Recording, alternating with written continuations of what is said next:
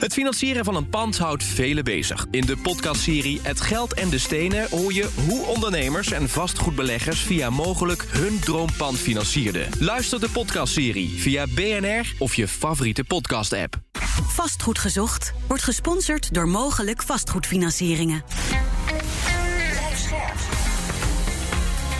BNR Nieuwsradio. Vastgoed gezocht. Maarten Bouwhuis en Maarten de Gruiter.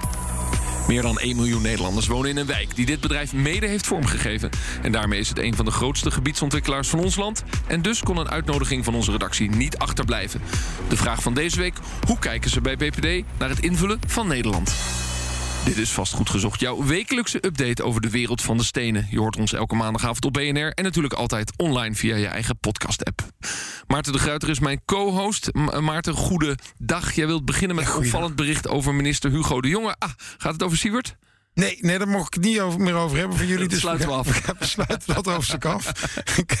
nee, we gaan het hebben over iets anders. Namelijk dat uh, gemeenten dadelijk zelf uh, mogen beslissen dat eigenlijk... Uh, ja, wat ik toen straks al even tegen jou zei, eigen volk eerst. Gemeenten mogen de helft ja. van de nieuwe huizen toewijzen aan eigen bewoners. Ja. Nieuws van het eind van nou ja, vorige week zo'n beetje in het weekend. Uh, belangrijke beslissing van Hugo de Jonge. Uh, om te zeggen van wacht eens even, sociale koopwoningen met een prijs tot 355.000 euro. Mogen we ook toewijzen ja. aan mensen uit het eigen dorp of stad? Ja, nou, ik vind, kijk, ik, het is natuurlijk een landelijk probleem dat we te weinig woningen hebben. Dus dat vind ik al vreemd. Hè. Dus ja, daar los je uiteindelijk natuurlijk het probleem niet mee op. Want dat is natuurlijk een soort van waterbed-effect krijg je dan. Maar, en wat ik toch wel frappant vond was, ja, met name mensen in het oosten van het land, die, die waren aan het klagen dat ja dat uh, hun woonmarkt wordt helemaal overstelpt door mensen uit het Gooi en uit Amsterdam. Nou, ik ken eigenlijk bijna niemand uh, die allemaal massaal naar het, of überhaupt iemand die naar het oosten van het land is gegaan. Het zal vast wel gebeuren hoor. Maar ja, ik, wat ik zo frappant vond, is dat we nou decennia lang al horen we de klacht uit het oosten uit het noorden. Ja, dat alles loopt leeg. Er zijn dorpen die helemaal leeg zijn, waar niemand meer woont. Uh, huizenprijzen die dramatisch zijn gedaald. Ja, nu is het ineens dus de andere kant op. Ja, ik vind dat wel, uh, wel frappant. Ja, het is een verhaal wat, wat je veel hoort binnen gemeenten. Um, waarin ze zeggen van ja, er zijn heel veel uh, jongeren die hier een huis willen kopen. Er is heel weinig aanbod, want iedereen blijft in zijn huis zitten. Dan gaan we ontwikkelen. Soms gaat het maar over 10 of 12 of 20 woningen in een klein blokje. Ja, en dan worden die gekocht door mensen uit Utrecht die twee ton overwaarde meenemen. En ja, daar zijn ze dan niet happy mee, want die jongeren willen toch in hun dorp blijven wonen. Ja, ik, uh, maar ik denk dat het wel meevalt. Ik denk niet dat heel Drenthe wordt uh, oversteld door mensen uit, uit Amsterdam. Nee, het zou kunnen. Um, um, Hugo de Jonge heeft nu in ieder geval dit besluit uh, genomen. Um, uh, een toewijzing, advies van de Raad van State uh, hoort er dan ook bij. en dat betekent dat het waarschijnlijk wel gaat gebeuren. En dat gemeenteraden dus kunnen beslissen om, ja. om in die nieuwe woningbouwplannen... dus toch een soort van eigen inwoners voor te trekken. Wat ik er interessant aan vind, is wat dan de definitie wordt... dat staat er niet in, van een eigen inwoner. Ja. Moet je dan daar geboren zijn? Moet je er vijf jaar wonen? mag je ook vertrokken zijn uit je dorp... Ja. omdat je bent gaan studeren uh, in de grote stad en je wilt terug naar je dorp en hoor je dan ook nog bij eigen inwoner? Uh, hè, hoe, nou ja, de het... Groot Wassing zei het in Amsterdam de vorige periode zeiden ja, Amsterdam voor de Amsterdammers. Dat vond ik wel frappant, want zeven van de acht wethouders die kwamen überhaupt helemaal niet uit Amsterdam. Ja, dus zodra je er zelf eenmaal bent, dan is het ineens Amsterdam voor de Amsterdammers. Ja, lees de geschiedenis van Amsterdam ja. van Geert Mak, waarin hij duidelijk opschrijft dat Amsterdam al 750 jaar een stad is van mensen die van buiten komen. Precies. Vastgoed gezocht. Ze zijn opgericht net na de oorlog als bouwspaarkast Drentse gemeente. Inmiddels gaat deze gebiedsontwikkelaar door het leven als BPD. En waren ze in al die jaren betrokken bij ruim 375.000 woningen in Nederland. Ja, dan doe je lekker mee. Harm Jansen is directeur van BPD Gebiedsontwikkeling in Nederland. Van harte welkom. Dankjewel. Fijn dat je er bent. Jullie zijn op dit moment actief uh, op zo'n 250 plekken in Nederland. En wat is dan het project waar je over vertelt op verjaardagen? Oh jeetje, dat is uh, meteen. Dat hangt een beetje vanaf welke verjaardag ik ben. Maar wat ik heel oh, jij, mooi. Je vertelt strategisch op verjaardag. Nee, nee, wat er vaak gebeurt is dat mensen vragen: doen jullie hier ook weer ook iets? En dan, dan kan ik vaak wel ja zeggen. Maar wat ik hele mooie projecten vind van ons zijn projecten die we in de steden doen. Bijvoorbeeld de uh, transformatie van de melkfabriek Campina in uh, Eindhoven. Onze project op de Houten Havens in Amsterdam. Maar ook gebiedsontwikkelingen als in, in Den Haag of in Kampen. Ja, ja. Nou is BPD ooit opgericht voor Jan Modaal. Um, is dat nou terug te zien in een bepaalde signatuur, een bepaald type woning of een bepaalde manier van ontwikkelen um, dat gemaakt wordt. Want als ik kijk naar de houthavens, dan denk ik, nou, daar staan best wel dure woningen. Uh, zo is het. Uh, wij, wij zijn inderdaad, uh, wij richten ons bij voorkeur op mensen met een middeninkomen, zou je kunnen zeggen. Je ziet dat het ook voor ons in de afgelopen jaren best lastig is geweest. gestegen kosten, maar tegelijkertijd ook, het is moeilijk om woningen die je de markt opbrengt dan met een hele hoge korting te verkopen. Want wie geef je die korting dan? Uh, als je kijkt naar het type woningen wat wij ontwikkelen, we doen veel van ons werk binnenstedelijk, we doen veel van ons werk aan de randen. Dus eigenlijk kun je daar niet een hele exacte typologie aanhangen. Ja. Ja. Wij doen wel altijd uh, ontwikkelingen op, op grote schaal. Dus kleine, kleine blokjes, uh, kleine invullingen. 10, 20, 20 woningen. woningen. die slaan wij in de regel over. Juist. Nou oké, okay, uh, jullie zitten dus in de breedte. Dat is prettig, want we willen een aantal dingen bespreken. over gebiedsontwikkelingen, over grondstofprijzen uiteraard. en de manier van werken. En ja, die ambitie van 1 miljoen woningen die is gesteld richting 2030. Um, en dat begint eigenlijk bij het proces van gebiedsontwikkeling. laten we dat dan doen aan de hand van een grote ambitie die door het kabinet is uitgesproken. Dat gaat dus over die 1 miljoen woningen. Hoe begint dan zo'n reis? Uh, zoeken jullie een gebied? Is het een gemeente die jullie vraagt? Wat is de werkwijze? Uh, dat, dat kan eigenlijk langs die beide wegen zijn. Soms dan zijn wij degene die uh, ergens een een stuk grond koopt of een gebouw. Dat doen wij vaak op het moment dat er al wel sprake is van de mogelijkheid om daar in de toekomst te gaan wonen. Wij zijn niet speculanten die ergens iets kopen en dan maar gaan proberen om uh, de boel aan de gang te krijgen. Maar desondanks, op het moment dat wij dan in zo'n gebied belanden, dan is er vaak nog jaren voor nodig voordat je daadwerkelijk tot uitvoering komt. Jullie hebben geen grondbank? Jullie, uh, ja, we hebben zeker een grondbank, maar wij kopen onze grondposities in de regel pas op het moment dat er al sprake is binnen overheidslagen, of dat nou het Rijk is, uh, provincie of gemeente, dat er in de toekomst in een bepaald gebied gewoond gaat worden. En hoe lang, hoe lang in de toekomst kan het dan nog zijn? Nee, wij, wij, proberen in de regel onze posities in te nemen uh, maximaal een jaar of vijf, zes van tevoren. Maar we hebben voorbeelden van gronden die wij al sinds het begin van deze eeuw in bezit hebben en die hopelijk de komende tijd in ontwikkeling komen. En zijn dat dan een type gronden? Want het woord wat steeds terugkomt is plancapaciteit. Uh, dat zullen we aan sommige luisteraars ook moeten uitleggen. dat gaat over de hoeveelheid woningen waar al plannen voor zijn. Die dus ergens binnen provincies of gemeenten. Uh, ja, het is bijna plankcapaciteit. Het ligt ergens op de plank. Er is een idee om in, in, eh, in dat weiland of daar binnenstedelijk te gaan bouwen. Uh, en op het moment dat die plancapaciteit ontstaat, dat is voor jullie het moment om ook gronden te gaan aankopen. Ja, en dan, en, en dan het liefst natuurlijk als die aanwijzingen zo concreet mogelijk zijn. Maar soms ook op het moment dat het nog niet verder gaat dan een bijvoorbeeld structuurvisie van de provincie. En dan moet soms een gemeente of andere overheden nog een aantal stappen zetten voordat die ook zover zijn. Maar ik kan me ook voorstellen dat hoe concreter het plan is, hoe duurder de grond is. Want dan zijn er ook wel meer kapers op de kust die, die daar willen kopen. En dat is inderdaad precies de reden dat wij dat zo vroeg mogelijk willen uh, proberen te blijven doen. Zonder dat we dus zeggen, nou, op iedere plek in Nederland kan je gewoon lukraak iets kopen. En als je maar hard genoeg gaat duwen, dan zal er vanzelf wel een keer iets gebeuren. Nee. Aan de andere kant, dat voorbeeld van gronden die je dus al twintig jaar in bezit hebt, waar niet ontwikkeld wordt. Uh, dat zijn misschien ook wel van die plekken waar, um, waar heel veel druk wordt gezet nu. Om te zeggen van jongens, zorg nou dat dat voor elkaar komt. Wat zijn dan de oorzaken dat, dat daar nog niet gebouwd wordt? Nou, je ziet dat uh, wat we een, een 15 tot 20 jaar geleden gekocht hebben, soms onder andere door de vorige crisis. Uh, op, het, op de vastgoedmarkt uh, is, is vertraagd of in de ijskast is gezet. Dat vervolgens die crisis uitkomend er heel lang gediscussieerd is over de vraag: moeten we nou in dit land alleen nog maar uh, binnenstedelijk transformeren en eventueel verdichten? Of moet je ook aan de randen van steden en dorpen toevoegen? Daar is eigenlijk de afgelopen vier jaar, de afgelopen kabinetsperiode, de discussie heel sterk over gegaan. En inmiddels zie je sinds de lokale, maar zeker sinds de, ook de vorige nationale verkiezingen, dat het roer omgaat en dat je zowel binnenstedelijk als aan de randen van de steden weer aan de slag mag. Ja, en wat is jullie standpunt dan? Wat zouden we moeten doen om uh, die 1 miljoen te halen? Uh, je moet uh, allebei doen. Binnenstedelijk transformeren en verdichten, maar dat duurt in de regel lang. Dus uh, daar heb je gewoon meer tijd voor nodig. En tegelijkertijd ook toevoegen aan de randen van steden en dorpen. Kan in de regel sneller.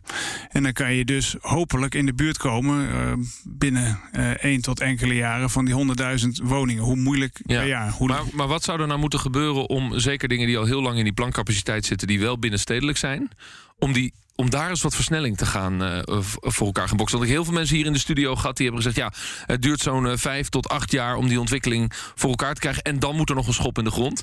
Dan denk ik: oké, okay, hoe kunnen we daar drie jaar van maken, van die, van die voorfase? Uh, dat is heel lastig. Dus je kan wel iets doen door, je ziet dat ook, hè, uh, rijkssubsidies om uh, te hoge kosten te dempen. Want binnenstedelijk heb je te maken met saneringen, met complexe bouwlogistiek, et cetera. Dus dat kan wel iets helpen. Je kunt, en dat is in het verleden ook wel gebeurd, maar dat lijkt ook nu weer wat te vertragen. Door bijvoorbeeld gebruik te maken van wetgeving, crisis- en herstelwet, procedures verkorten. Maar ja, als het te druk wordt bij de Raad van State, zit je gewoon weer te wachten. Dus binnenstedelijk, vanwege de complexiteit, is gewoon heel lastig om het echt veel sneller te doen. Maar ja, überhaupt, we zitten nu natuurlijk in een hele bijzondere tijd, denk ik. Als je gaat kijken naar inflatie, naar de kosten. Als, als morgen BPD eh, toestemming krijgt om al zijn plannen morgen uit te voeren, dat gaat helemaal nooit lukken. De, dat klopt. En dus zullen we ook, dat geldt binnenstedelijk, maar zeker ook daarom, die eh, steden, die, die plannen aan de randen van steden en dorpen, zullen we ook moeten kijken naar hoe kan je het efficiënter bouwen. Hoe kan je um, ook de, de ambities in de pas laten lopen met de kosten. Want dat je zie je ook vaak, misschien één voorbeeld. Uh, wij worden vaak nu nog door de regelgeving gedwongen om uh, ondergrondse parkeerplekken te maken onder sociale huurwoningen. Terwijl corporaties zeggen: wij hoeven geen uh, parkeerplaatsen hier, want onze huurders hebben die auto helemaal niet. Uh, maar dan is gewoon de regelgeving die voorschrijft dat je wel moet doen. Nou, dat verhoogt kosten. En het is een van de voorbeelden waarvan ja, maar je... als je sociale huurwoningen gaat bouwen in het buitengebied... dan zou ik er toch een parkeerplaats bij, uh, bij bouwen, zou ik zeggen. Want... Zeker, maar dan is dus het voordeel in het buitengebied iets meer ruimte. En dan kan je die parkeerplekken ja. ook op het maaiveld maken. Hoef je ze niet in een uh, ingewikkelde, dure kelder te stoppen. En dan heb je dus inderdaad een goed voorbeeld... van hoe je ja. goedkoper en efficiënter kan bouwen. Laten we dan toch nog eens even kijken. Bijvoorbeeld, concreet voorbeeld. Tussen Rotterdam en Gouda ligt de Zuidplaspolder. Daar wordt heel veel over gediscussieerd. Moeten we daar nou bouwen? Ligt 6 meter onder NAP. Je kunt dus de stelling volgen van ja, we moeten ook buitenstedelijk bouwen in het groen.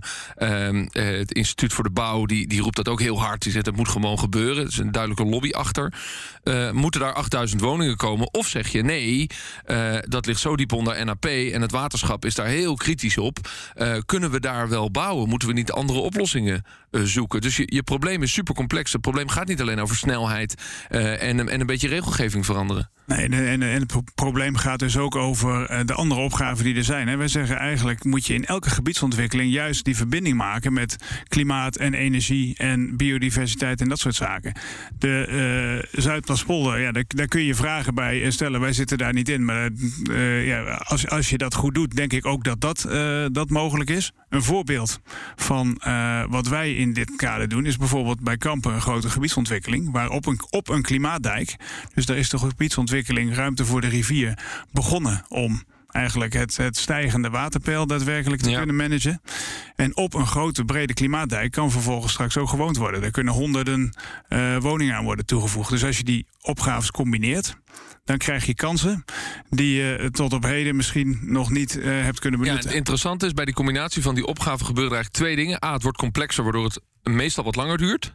En B, uh, het kan zomaar een beetje duurder worden. En dan zeggen de gemeenten nu, uh, zeker ook in die verkiezingstijd die we achter de rug hebben, dan moeten wij een stukje van die onrendabele top gaan, gaan betalen. Is dat ook een oproep van jullie aan de overheid om te zeggen: zorg nou dat je die onrendabele top kunt financieren, zodat we snelheid kunnen maken? zeker. En waar dat denk ik vooral heel belangrijk is in de komende jaren, en daarom ben ik ook blij met het geld wat het kabinet in zijn regeerakkoord heeft staan. 35 miljard voor klimaat, uh, 7,5 miljard voor infrastructuur. Juist die dingen, de andere grote opgaven, mobiliteit en de klimaatopgaven, die vragen die hele forse extra investeringen. Op zich een woongebied met voldoende betaalbare woningen, dat kunnen wij zelf allemaal goed behappen. Maar het gaat om die hele grote investeringen in aanvullende infrastructuur en maatregelen tegen het klimaat en ja. waterstijging. Oké, okay, nou laten we kijken naar die betaalbaarheid. Dat is een begrip dat je steeds terug ziet komen als het over woningbouw gaat. Ook op de website van de BPD lezen we het een aantal keer. Tegelijkertijd is het steeds moeilijker te realiseren. De prijzen van bouwmateriaal en grondstoffen nemen verder toe. De bijdrage is van collega John van Schagen. Mijn naam is Arno Duiverman. Ik ben beleidsmedewerker bij Bouw Nederland op het gebied van bouw- en aanbestedingsrecht. En voor wat betreft die stijgende bouwkosten is de situatie nog steeds zorgelijk, zo vertelt hij. Prijzen zijn nog steeds op een hoog niveau, uh, fluctueren ook dagelijks. En door de oorlog in de Oekraïne is dat, uh, is dat effect wat we al kenden uh, versterkt. Neem bijvoorbeeld een belangrijk product als staal. Die prijs was in een jaar tijd al met 100% gestegen. En sinds de oorlog in Oekraïne is de prijs nog eens met 50% omhoog gegaan. Maar ook hout is in 2021 bijna verdubbeld. Blijft nu relatief stabiel omdat er uh, redelijk wat uh, hout in voorraad ligt. Maar ook de producten die heel veel energie nodig hebben uh, in het productieproces. glas, bitumen, steen. Dat zijn zaken die allemaal veel energie vergen. En die stijgen sinds het derde kwartaal met zo'n 20 tot 50 procent. Steeds vaker bieden leveranciers hun producten daarom op dagtarief aan. Zo van, dit is de offerte, geldig tot vanmiddag 5 uur. En ook voor wat betreft levertijden houden producenten een flinke slag om de arm. Ja, en dan is natuurlijk de vraag: hoe gaan bouwers hiermee om? Verschillend, zegt Duivenman. Maar wij adviseren onze uh, leden in ieder geval altijd om in gesprek te gaan met de opdrachtgevers. En om daar het probleem ook voor te leggen en de onmogelijkheden vooral ook te laten zien. Je wil heel graag, maar het kan simpelweg niet. En om die reden hebben we ook een aantal uh, tools ontwikkeld om uh, bijvoorbeeld te gebruiken in nieuwe contracten. wat modelclausules, die als voorbeeld kunnen worden voorgelegd aan een, aan een opdrachtgever. Nou, zo denken wij erover, zo gaan wij ermee om. Zo'n clausule gaat in op de vraag bij wie de risico's liggen. Over prijsstijgingen en levertijden met name. wat wij in ieder geval altijd bepleiten bij zowel opdrachtgevers als bij opdrachtnemers, onze eigen leden, is ga dat gesprek aan met elkaar. Probeer tijdig te waarschuwen voor nou, problemen met de verkrijgbaarheid en met de prijzen van bepaalde onderdelen. In een fase waarin er misschien nog andere keuzes kunnen worden gemaakt, dat er alternatieven kunnen worden beproefd ga ook al in de voorbereiding van een project nadenken uh, wat dit betekent voor jouw project. Moeten we wel zoveel staal gebruiken, wetende dat het zo duur is? Moeten we omzien naar iets anders? En dat kan je helpen om dat risico zo beperkt mogelijk te houden. Bouwen Nederland over de snel oplopende prijzen van materialen en grondstoffen. Ik praat verder met uh, onze gasten, directeur van BPD Nederland, Harm Jansen. Hoe groot is dat probleem voor jullie eigenlijk als je kijkt naar die snel oplopende prijzen? Uh, aanzienlijk. We zien met name in uh, binnenstedelijke projecten dat die kosten heel hard oplopen. En dat we alle zeilen bij moeten zetten om het nog kostendekkend te kunnen realiseren. Als je kijkt in grondgebonden omgevingen, dan valt dat ehm, iets, iets, ietsjes minder, minder op. Daar zijn de problemen iets minder groot, want dan heb je toch meer aanbieders. Dan kan je makkelijker faseren. Daar kan je ook nog weer overstappen op alternatieve bouwsystemen. Met name de grote stedelijke blokken. Daar zie je echt een uh, ja, toename van die problematiek. Ja, maar je, je hebt ook een wel, het valt straks even in het begin over de rente bijvoorbeeld. Hè. Ik bedoel, wij zien als ontwikkelaar dat op, in, op een locatie ja, waar de woningprijs onder de 3500 euro de meter of zo komen, daar kunnen wij eigenlijk al niet meer ontwikkelen. dus hoe, hoe zie jij dat daar nog gaat ontwikkeld gaat worden? Überhaupt los even van of het voor eigen volk eerst is. Uh, nou ja, dat, dat draagt bij aan een verdere vertraging van binnenstedelijk ontwikkelen. Die al uh, onder druk staat hè, van de, vanwege de complexiteit. Maar waarvan wij door dit effect ook denken dat er nog vaker in de nabije toekomst projecten even zullen worden uitgesteld. Of helemaal moeten worden aangepast om ze alsnog haalbaar te maken. Is dat uniek in onze tijd? Want ik denk ook, ik ben met je eens, ik denk dat er een soort van infarct eigenlijk komt. Waarbij vraag en aanbod elkaar helemaal niet meer matchen. Maar, maar wat is dan de toekomst? Want valt het dan helemaal stil, maar terwijl er wel enorme vraag is. Uh, ik, ik, denk uiteindelijk niet helemaal. Hè. Er blijven plekken waar uh, de prijs, de opbrengsten dusdanig zijn dat dit nog kan. Uh, dat geldt zeker in steden als Amsterdam of Utrecht, maar natuurlijk ook in andere aantrekkelijke steden buiten de Randstad. Uh, dan zal er op een gegeven moment, want ergens uh, zal die materialen prijsstijging ook weer een keertje afvlakken, zal er op een gegeven moment een nieuw evenwicht ontstaan. Maar ja, kijk naar de periode voor 2008, toen hadden we dit feitelijk ook. Op hele sterk oplopende bouwkosten, ook allemaal dit soort complexiteit. Nou ja, toen was er een crisis voor nodig om dat uh, te kantelen. Ik hoop niet dat het zover nu komt, maar het zal wel degelijk de komende 1, 2 jaar tot hele ingewikkelde situaties leiden. Dus de situatie waarin we nu zitten, die enorme vraag, die enorm sterk oplopende bouwkosten, gaat tot een soort schok leiden in de markt. Dat kan bijna niet anders, zeg jij. Uh, ik denk dat het in ieder geval tot een schok gaat leiden op uh, plekken waar complexe grote projecten worden gerealiseerd. En dat is meteen ook een van misschien wel de allerbelangrijkste redenen. Dat als we voldoende willen blijven bouwen, ook betaalbaar, dan zullen we ook naar de minder complexe omgevingen moeten. En dan moeten we dus ook kijken naar uh, andere plekken dan waar we nu bezig zijn. En dat betekent dus dat die oplopende prijzen die we nu hebben, de crisis mede als gevolg van de oorlog, hè, dat, dat is ook een aanjager hiervan, leidt uiteindelijk tot meer bouwen in het weiland. Uh, dat zou in ieder geval een versnellend effect kunnen hebben. Ik denk dat het los van die stijgende bouwkosten sowieso nodig zou zijn om te doen, omdat anders het tempo gewoon niet gehaald kan worden. Maar eigenlijk is dan die doelstelling van die miljoen is eigenlijk nu helemaal niet aan de orde. Het is, we mogen toch wel blij zijn dat alles wat we nu willen gaan bouwen, de plannen die we hebben, dat die überhaupt gerealiseerd kunnen worden. Ik, ik denk dat het uh, ontzettend moeilijk is om die 100.000 woningen per jaar te halen. Dat wordt echt een uh, hell of a job. Ik vind het wel goed dat de ambitie wordt uitgesproken, want zeg je we gaan maar voor de 70. Nou, dan weet je dat het ook al moeilijk wordt om die 70 te halen. Maar om die 100 aan te tikken, dat zal echt nog uh, wel de vraag zijn of we dat op korte termijn halen. En ik hoor je ook zeggen dat als gevolg van de problemen waarin we zitten, dat het nog wel lukt om duurdere woningen uh, in Amsterdam te bouwen. Maar dat juist die betaalbare woningen onder druk komen.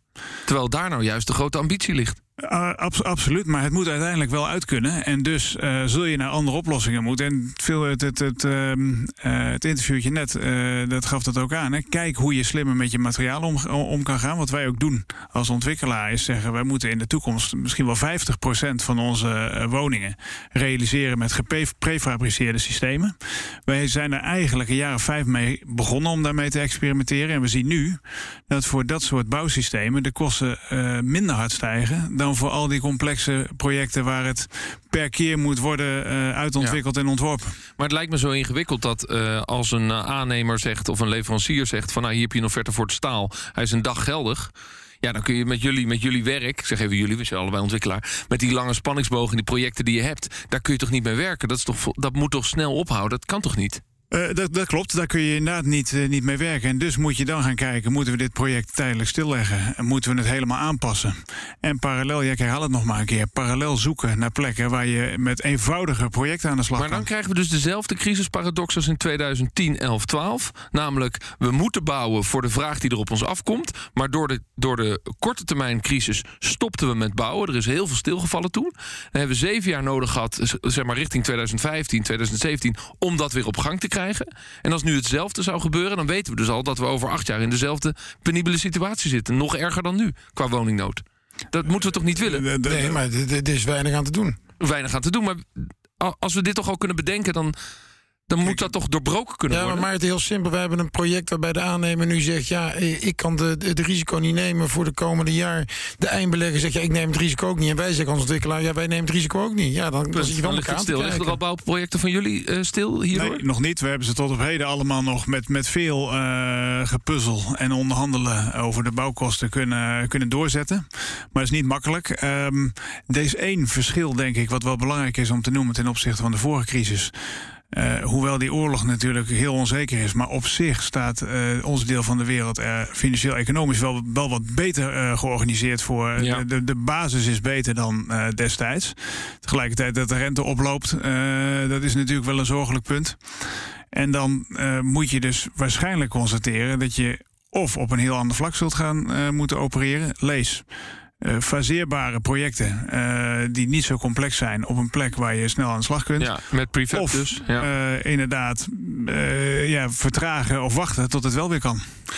Nou, optimistische uitzending van Vastgoed Gezocht. Harm Jansen, directeur van BPD. Dankjewel. Ja, Maarten, moet ik het zo afsluiten of zeg je nee? Ja, nou, het is ook helemaal niet. Het is ook niet zo optimistisch verhaal. Dat is het ook echt niet op dit moment, vind ik. En veel projecten gaan hier gewoon echt problemen krijgen. Uiteindelijk schept het natuurlijk ook wel weer kansen hè, voor marktpartijen. Ja. En, en de wal keert altijd wel weer het schip. Maar dat kan wel een, een tijd betekenen van een, een, periode waarin het heel lastig wordt. Ja, uh, en uh, daar is dus ook de oorlog uh, deels um, nou ja, Zeker. Een oorzaak van die, die problemen op die grondstoffenmarkt bijvoorbeeld. En laten we vooral voor de mensen in de oorlog hopen dat die ongelooflijk snel ophoudt.